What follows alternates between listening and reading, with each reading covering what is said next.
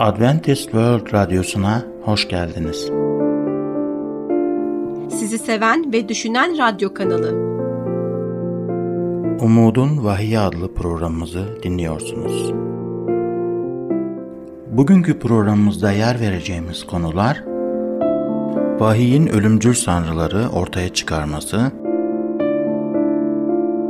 kalp krizi riskini azaltmak. Değerli dinleyicilerimiz, programımıza hoş geldiniz. Bugünkü konuğum vahiyin aslında ölümcül olan halüsinasyonların ortaya çıkarmasıdır. Bu konuda aklınıza takılan her türlü soruyu yanıtlamaktan mutluluk duyacağımız için lütfen WhatsApp numaramız olan artı 357 99 786 706 üzerinden bize yazın. Mezarın ötesinde geçen bir umut bulabilir miyiz? Ölümde gerçekten ne oluyor? Ölümde gerçekten ne olduğu sorusuna kutsal kitapta güvenilir bir cevap var mıdır? Hristiyanların ve Hristiyan olmayanların ölüm konusunda farklı bakmaları oldukça anlaşılabilir bir şey. Bazı dinler reenkarnasyona inanıyor. Bazı insanlar ise ölümden sonraki yaşama inanıyor. Batıdaki birçok insan ölümden sonra mezarın ötesinde hiçbir şeyin olmadığına da inanıyorlar. Hristiyanların çoğu öldüğünüzde ne oluyor diye sorarsınız ruhumuz cennette veya cehenneme gider ya da bazılarımız arafta kalırlar diye cevap verirler. İsa Mesih tekrar gelene kadar ölüler dirilişi mi bekliyor olacaklar yoksa şimdiden cennetteler mi? Ve eğer cennettelerse ruhlarının gözleri var mı? Konuşabiliyorlar mı? Ağızları, kulakları var mı? Bir ruhun gözleri, ağzı, kulakları varsa ve onu cennette görebiliyorsan neden beden için geri gelmek zorunda kalsınlar? Yani her türlü kafa karıştırıcı soru var. İnsanların ölüm konusunda kafaları gerçekten karışık. Öldüğümüzde ne oluyor? Ruh ölümsüz müdür yoksa bir diriliş olacak mı?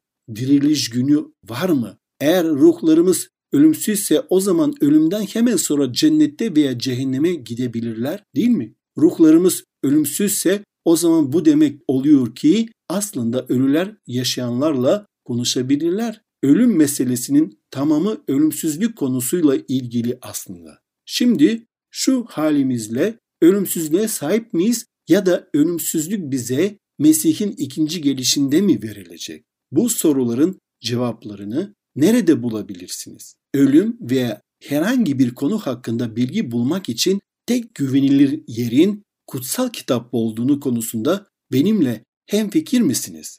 Ben öyle olduğunu düşünüyorum. Bu yüzden programdaki temamız şudur. Bir şey kutsal kitapta ise ben buna inanıyorum. Eğer kutsal kitapla uyuşmuyorsa o şey bana göre değildir. Kutsal kitap bizim için öldüğümüzde bize ne olacak sorusuna güvenilir yanıtlar verir. Sadece öldüğümüzde neler olacağını değil, aynı zamanda yeni bir umut ve güvenle bize ölümle nasıl yüzleşeceğimizi de açıklar. Vahiy kitabının ilk bölümü bizi yüce bir kişi olan İsa Mesih ile tanıştırır. Parlak beyaz bir elbise giymiş. Gözleri ateş gibidir ve İsa kendisini şu şekilde tanımlar. Vahiy 1 18'de kelam şöyle diyor. Diri olan benim. Ölmüştüm ama işte sonsuzluklar boyunca diriyim. Ölümün ve ölüler diyarının anahtarları bendedir. İsa mezara girdi ve çıktı. Mezarın anahtarları onda. İsa da ölen ve dirilen herhangi bir imanlı bu dirilişi dört gözle bekleyebilir. Kutsal kitap dirilişin gerçeğini sayfalarında açıklar. Kutsal kitap Mesih'in ikinci gelişine ve o geldiğinde ölülerin dirileceğine işaret eder. Ama bir soru karşımıza çıkıyor. Kutsal kitap ölümsüz ruh fikri hakkında ne öğretiyor? Bir insan öldüğünde ne olacağına dair bir ipucu bulmak için yaratılış kitabındaki o yaratılış haftasına geri dönelim. Belki yaratılışımızda ne olduğunu anlarsak öldüğümüzde de ne olacağı hakkında bir şeyleri kavrayabiliriz. Kutsal kitap Yaratılış 2. bölüm 7. ayette şöyle diyor. Rab Tanrı Adem'i topraktan yarattı. ve burnuna yaşam soluğunu üfledi. Böylece Adem yaşayan varlık oldu. Kutsal kitap Tanrı'nın Adem'e ölümsüz bir ruh verdiğini söyler mi? Hayır öyle bir şey söylemiyor. Bunun yerine insanın formülünü bizlere açıklıyor. Evet çok net açıklıyor. Yani toz artı ruh eşittir yaşayan bir can. Veya başka bir açıklama gerekiyorsa şöyle diyebiliriz. Toprak elementi artı nefes eşittir canlı bir varlık. Yaşayan ruh, yaşayan kişi anlamına geliyor. Adem yaşayan bir varlık veya yaşayan bir kişi oldu. Görüyorsunuz yaşayan bir ruh, yaşayan bir kişidir. Benim ruhum yok. Ben bir ruhum, yaşayan bir varlığım, bir insanım ve sen de öylesin. Bu ruh nedir o zaman?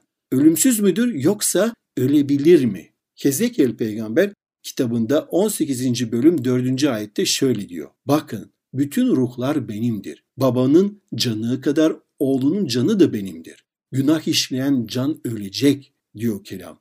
Kutsal kitaba göre bir ruh ölebilir mi? Evet çünkü kutsal kitapta günah işleyen ruh ölmeli diyor. Kutsal kitapta ruh yerine kullanılan ve bazı insanları şaşırtan başka bir kelime daha var. Ve bu kelime kişi veya candır. Dolayısıyla bu ayet günah işleyen kişinin öleceğini söylüyor. Birazdan okuyacağımız ayette can veya ruh kelimelerinin birbirinin yerine nasıl kullanıldığında dikkat edin. Matta 16, 25 ve 26. ayetler şöyle diyor. Canını kurtarmak isteyen onu yitirecek, canını benim uğruma yitiren ise onu kurtaracaktır. İnsan bütün dünyayı kazanıp da ruhundan olursa bunun kendisine ne yararı olur? İnsan kendi ruhunu karşılık ne verebilir? Sadece Tanrı ölümsüzdür. Ölümlü ölüme tabi olmak demektir. Ölümsüz ise yok edilemez demektir. Kutsal kitap asla ölümsüz can veya canın ölümsüzlüğü terimleri kullanılmaz. Evet, 1. Timoteos 1. bölüm 17. ayette bize şöyle diyor kelam. Onur ve yücelik sonsuzlara dek bütün çağların kralı, ölümsüz ve görünmez tek Tanrı'nın olsun. Amin. Yani kral ölümsüzdür. Tanrı ölümsüzdür demek istiyor. Mesih geldiğinde bizler ölümsüzlüğe kavuşuruz. Kutsal kitap bu ölümlü ölümsüzleştirecek der. Mesih'e geldiğimde o bana sonsuz yaşam armağanı veriyor. Şu an kalbimde yaşıyor. Ama ölümsüzlük armağanına Mesih'in ikinci gelişinde kavuşacağız. 1. Timoteus 6, 15 ve 16. ayetlerde şöyle diyor. Mübarek ve tek hükümdar, kralların krallığı, Rablerin Rabbi, ölümsüzlüğün tek sahibi, yaklaşılamaz ışıkta yaşayan, hiçbir insanın görmediği ve göremeyeceği Tanrı, Mesih'i belirlenen zamanında ortaya çıkaracaktır. Onur ve kudret sonsuza dek onun olsun. Amin. Ölümsüzlüğe yalnızca kim sahiptir? Ölümsüzlüğe yalnızca Tanrı sahip olabilir.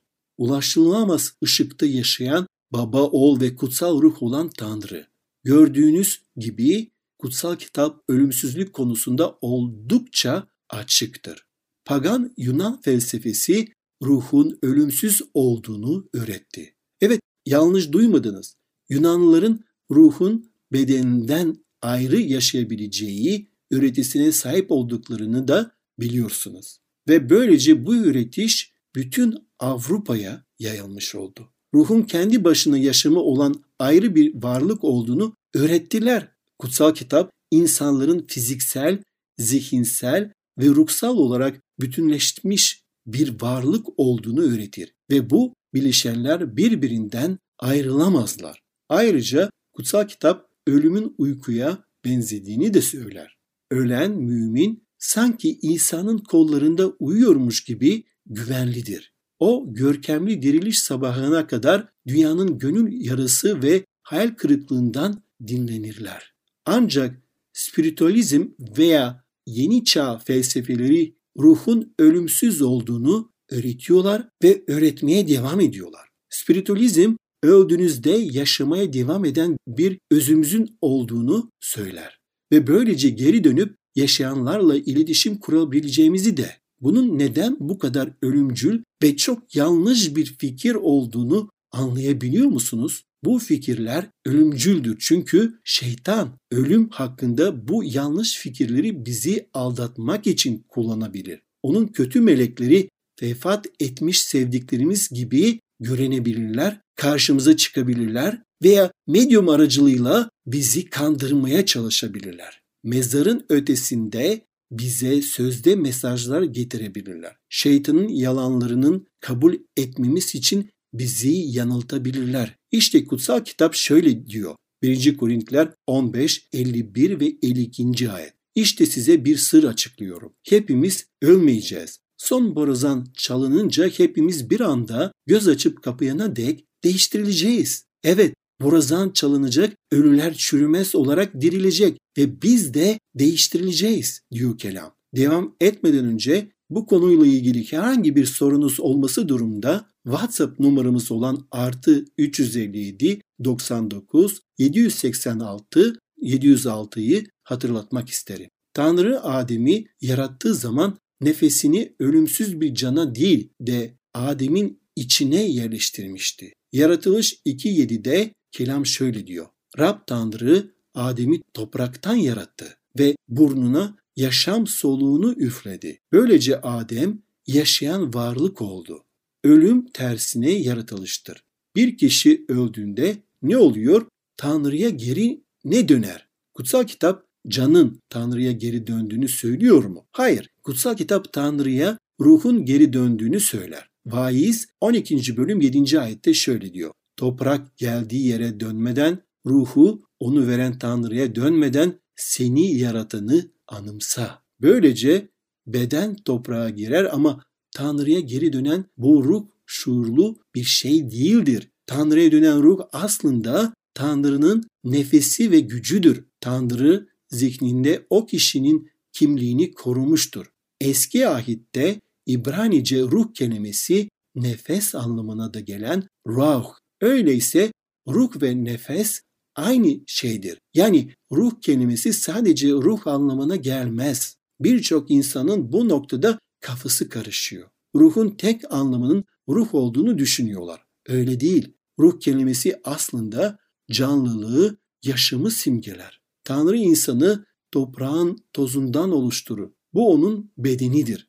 Tanrı insana İbranice ruh veya nefes anlamına gelen ruh kelimesi anlamına gelen sözcükten çıkıyor. Böylece insan yaşayan bir can oluyor. Bir insan öldüğünde vücudu bu toza geri döner. Yaşamın ruhu veya nefesi yani yaşamın gücü Tanrı'ya geri döner. Şimdi kutsal kitabın nefes ve ruhun aynı şey olduğunu nasıl öğrettiğine dikkat edelim. Eyüp peygamber kendi kitabında 27. bölüm 3. ayette şöyle diyor. İçimde yaşam belirtisi olduğu sürece Tanrı'nın soluğu burnumda olduğu sürece. Burun deliklerinde ne var? Düşünen, sorgulayan ve mantık yürütebilen bir şey mi? Hayır, o sadece Tanrı'nın size verdiği nefes. Belki bunu bir ampulle gösterebilirim. Şimdi aydınlanmak için bir ampule ihtiyacın var. Ama bu ampulden fazlasına da ihtiyacın var değil mi? Ampul burada bedeni temsil eder. Ama aydınlatmaya veya ışığa sahip olmak istiyorsan ampule giden güce de ihtiyacın var. Ampul tek başına bana ışık vermiyor. Güce de ihtiyacın var öyle değil mi? Dolayısıyla güç Tanrı'nın ruhunu veya Tanrı'nın nefesini temsil eder. Güç kablodan ampule gelir ve bu ne üretir? Bir ışık değil mi? Peki ampulü kablodan çıkardığınızda ışığa ne olur? Oradaki güç nereye gider? Evet oradaki güç güç merkezinde geri döner. Yani nefes almaya bıraktığımızda da kalbimiz atmaya bıraktığında da ölürüz. Hayatı yaratma gücü Allah'ın katında olduğu için hayat veren ruh da ona geri döner. Ölümde bilinç var mıdır? Mezmurlar 146 4. ayette o son soluğunu verince toprağa döner. O gün tasarıları da biter diyor kelam. Veya Süleyman peygamber Vaiz 9. bölüm 5 ve 6. ayetlerde şöyle diyor. Çünkü yaşayanlar öleceğini biliyor ama ölüler hiçbir şey bilmiyor. Ölüler ne kadar biliyor? Hiçbir şey. Çünkü öldüklerinde düşünceleri yok oluyor ve artık bilinçleri kalmıyor. İsa'da güvenli bir şekilde dinleniyorlar. Ayrıca aşkları, nefretleri ve kıskançlıkları da tamamen yok oluyor. Öldüğümüzde ruhumuz cennete gidiyor olsaydı en azından Tanrı'ya karşı bir sevgi hissi de yaşardık değil mi? Fakat kutsal kitap ne diyor? Sevgileri, nefretleri, kıskançlıkları çoktan bitmiştir. Ölüm bir uykudur. Kutsal kitap bizlere ölümün Mesih'in ikinci gelişine kadar süren bir uyku gibi olduğunu öğretir. Kutsal kitap yazıları ölümü 50'den fazla kez uyku olarak ilan eder. Mezmur 13 3. ayette gör halimi ya Rab. Yanıtla Tanrım gözlerimi aç ölüm uykusuna dalmayayım. Kutsal kitapta ölüm dinlenmedir. Kutsal kitapta ölümsüz bir ruh kavramı da yoktur. Bir gün İsa ve öğrencileri arkadaşları Lazarus, Meryem ve Marta'nın evine ziyarete giderken Lazarus'un çok hastalandığını ve sonra öldüğünü öğrendiler. İsa Mesih eve gelmeden önce üç gün bekledi. Onlar yoldayken İsa şu açıklamayı yaptı. Yuhanna 11. bölüm 11'den 14'e kadar. Dostumuz Lazar uyudu. Onu uyandırmaya gidiyorum. Sonra öğrencileri yarab uyduysa iyileşecektir dediler. İsa'nın Lazarus'un hastalığından ve sonra akşam hastalıktan uyuya kaldığından bahsediyor olduğunu zannettiler. Ancak İsa ölümden bahsediyordu. Öğrenciler onu sabah uyanacağını ve daha iyi hissedeceğini düşündüler. Sonra İsa onlara açıkça Lazar öldü dedi. Tüm kutsal kitap yazıları gibi İsa için de ölüm uykudan ibarettir. İsa daha sonra Lazar'ın evine ziyaret etti. Gücünün bir göstergesi olarak onu ölümden diriltmeye karar verdi. Ve böyle de oldu. Peki siz öldüğümüzde yani o derin uykumuza İsa'nın ikinci gelişini bekliyor olacağımıza inanıyor musunuz? Bugünkü bölümle ilgili herhangi bir sorunuz varsa ya da ölüm ve İsa'nın ikinci gelişiyle ilgili daha fazla bilgi almak istiyorsanız veya özel bir duaya ihtiyaç duyuyorsanız lütfen hiç çekinmeyin ve hemen bize WhatsApp numaramız olan artı 357 99 786 706'dan veya e-mail adresimiz olan radyo.umuttv.org adresinden ulaşın. Sizi bekliyoruz. Bugünkü konumuzun sonuna geldik. Şimdi sağlıkla ilgili konumuzla programımıza devam edeceğiz. Bizi dinlemeye devam edin. Görüşmek üzere.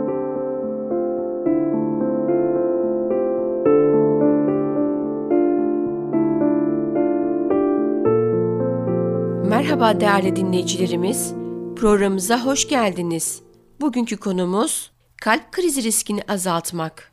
Kalp krizi nasıl meydana geliyor? Evet, kalp damarlarımız kalbi besleyen koroner arterlerdir. Kalpten çıkan ana damar olan aort damarı tüm vücuda kan verdiği gibi kalbin çevresinde de kalp damarları dediğimiz koroner arterleri verir ve kalbin beslenmesini sağlar.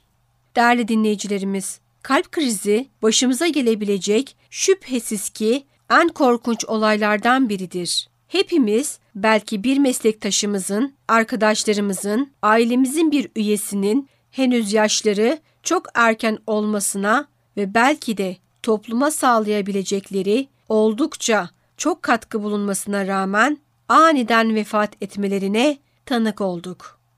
Kalp krizinden ölen yakınlarımızın ailemizden birisi olması oldukça daha çok üzücüdür. Bizler belki onların bu ani ölümü gerçekleştiğinde onların böyle bir risk altında olduklarını bile bilmiyor olabiliriz. Onların sağlıklı ve her şeyi yapmaya yetecek kadar güçleri olduğunu zannetmiş ve birdenbire şu üzücü sözleri duymuş olabiliriz. Ölüm nedeni kalp krizi. Konumuza devam etmeden önce konumuza dair herhangi bir sorunuz olursa diye WhatsApp numaramız olan artı 357 99 786 706'yı sizlerle paylaşmak istiyorum. Bu tür olaylar yalnızca sevdiklerimizin kaybından dolayı yaşadığımız üzüntüye sebep olmakla kalmaz, aynı zamanda sinsi ve rahatsız edici şu düşünceyi de aklımıza sokar. Ya sıradaki bensem? Sevilen birini kaybetmek oldukça travmatik bir olaydır. Ve bu olayın ardından yaşamlarına devam eden aile üyeleri ve arkadaşların zihinlerine pek çok rahatsız edici duygu ve düşünce bırakır. Ailede bir kalp krizi meydana geldiğinde artık endişelenmek için güçlü bir sebep var demektir. Bu türden bir endişe bir dinleyicimizin şu sorusuna da yansımıştır. Evet demiştir ki annem sadece 50 yaşında ve daha yeni kalp krizi geçirdi. Şu an oldukça endişeliyiz. Çünkü o kalp krizi geçirmeden önce onun oldukça sağlıklı olduğunu zannediyorduk.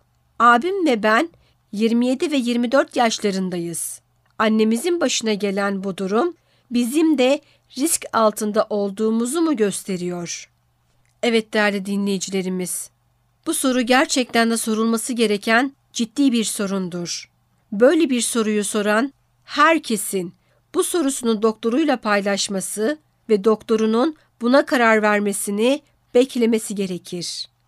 130 bin ailenin katıldığı bir çalışmada kalp hastalığı olduğu belgelenmiş bir veya daha fazla aile üyesine sahip olanların erken başlangıçlı kalp krizi yaşayan katılımcıların %70'ini oluşturduğu ve zamanından önce kalp krizi geçirenlerin %80'ini oluşturduğu görülmüştür. Bununla birlikte bu 130 bin kişi genel nüfusun yalnızca %14'ünü temsil ediyorlardı.